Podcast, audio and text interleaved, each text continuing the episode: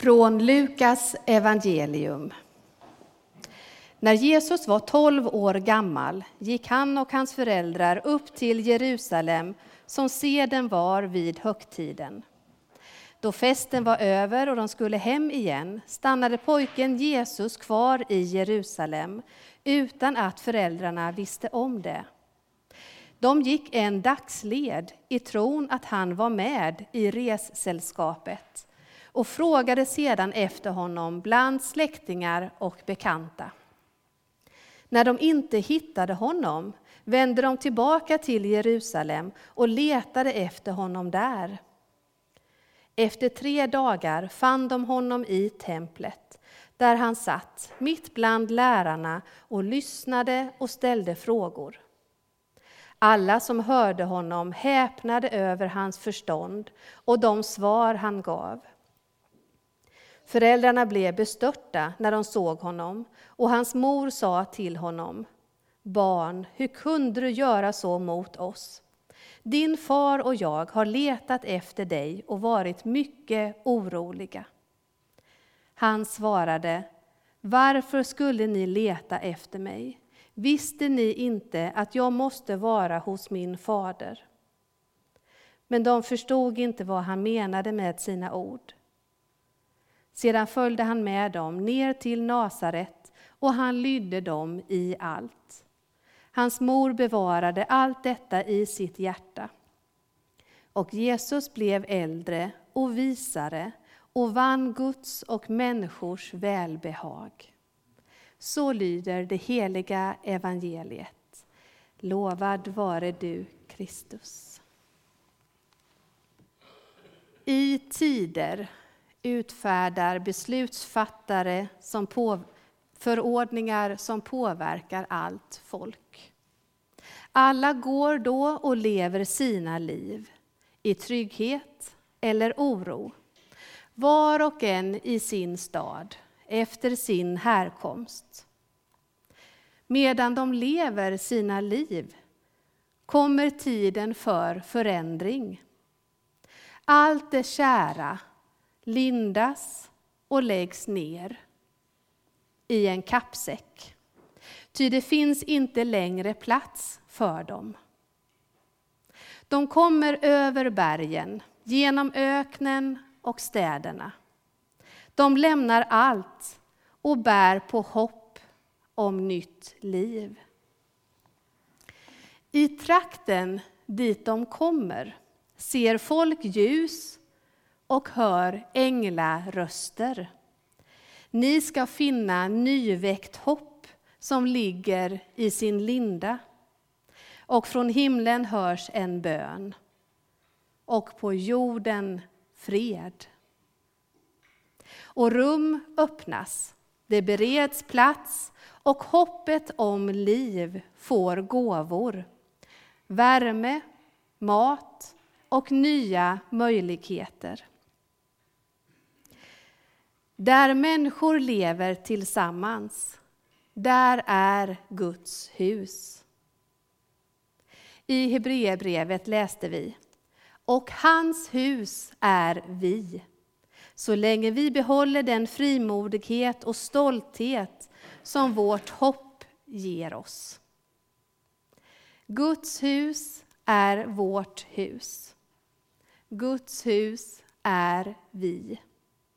Inte begränsat, inte uppdelat. Där två eller tre är församlade i mitt namn, där är jag mitt ibland er. Det är Jesus ord. Där människor är, där är Jesus. År efter år firar vi Jesu födelse firar att Gud väljer att bli människa och komma till oss. Det kallas inkarnation, att Gud blir människa. Det är det stora med vår tro. Vi behöver inte prestera. Vi behöver inte göra en massa saker. Behöver inte räkna poäng för antal böner eller föra bok över goda gärningar. Vi behöver inte göra något för att få vara med. Vi behöver bara säga Gud, jag vill. Vi behöver inte sträva efter att nå upp till Gud. Gud kommer till oss. Och därför vill hjärtan be böner. Därför gör vi goda gärningar. Som en konsekvens av att vi tror på Gud, att vi tar emot Jesus i oss. Som en konsekvens av att vi läser och hör om hur Jesus levde sitt liv, så vill vi göra gott. Det Jesus sa om goda gärningar, hur andras liv påverkar mitt liv, hur mitt liv påverkar andras liv, det säger hur liv kan levas. Vi får nya chanser, nya möten. Vi får liv med glädje och med tacksamhet. Liv med trötthet och oro. Liv med sorg. Liv med ensamhet. Och det är liv med tro. Det är detta liv vi har. Och Gud är med. I vårt jul och helgfirande, med allt som det är och allt som det inte är, och i vår vardag. Gud är här. Vi som har fått gåvan att få leva här i vårt land. Vi som tillsammans får bygga och får leva i Guds hus. Vi har också ansvar.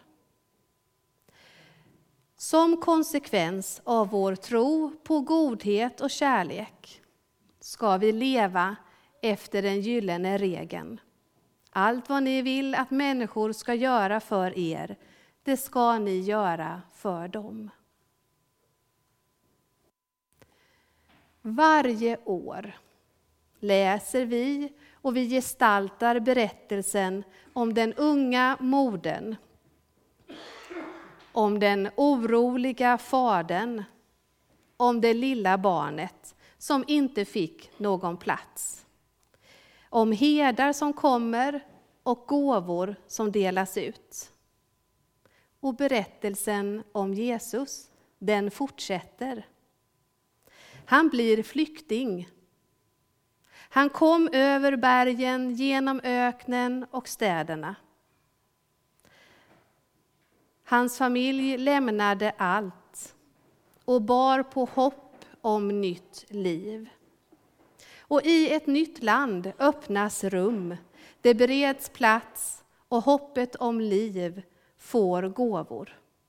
Värme, mat och nya möjligheter.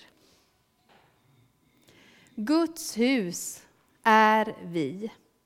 Tillsammans kan vi öppna för varandra och för medmänniskor och släppa in Gud. För visst kan Jesus komma in hit.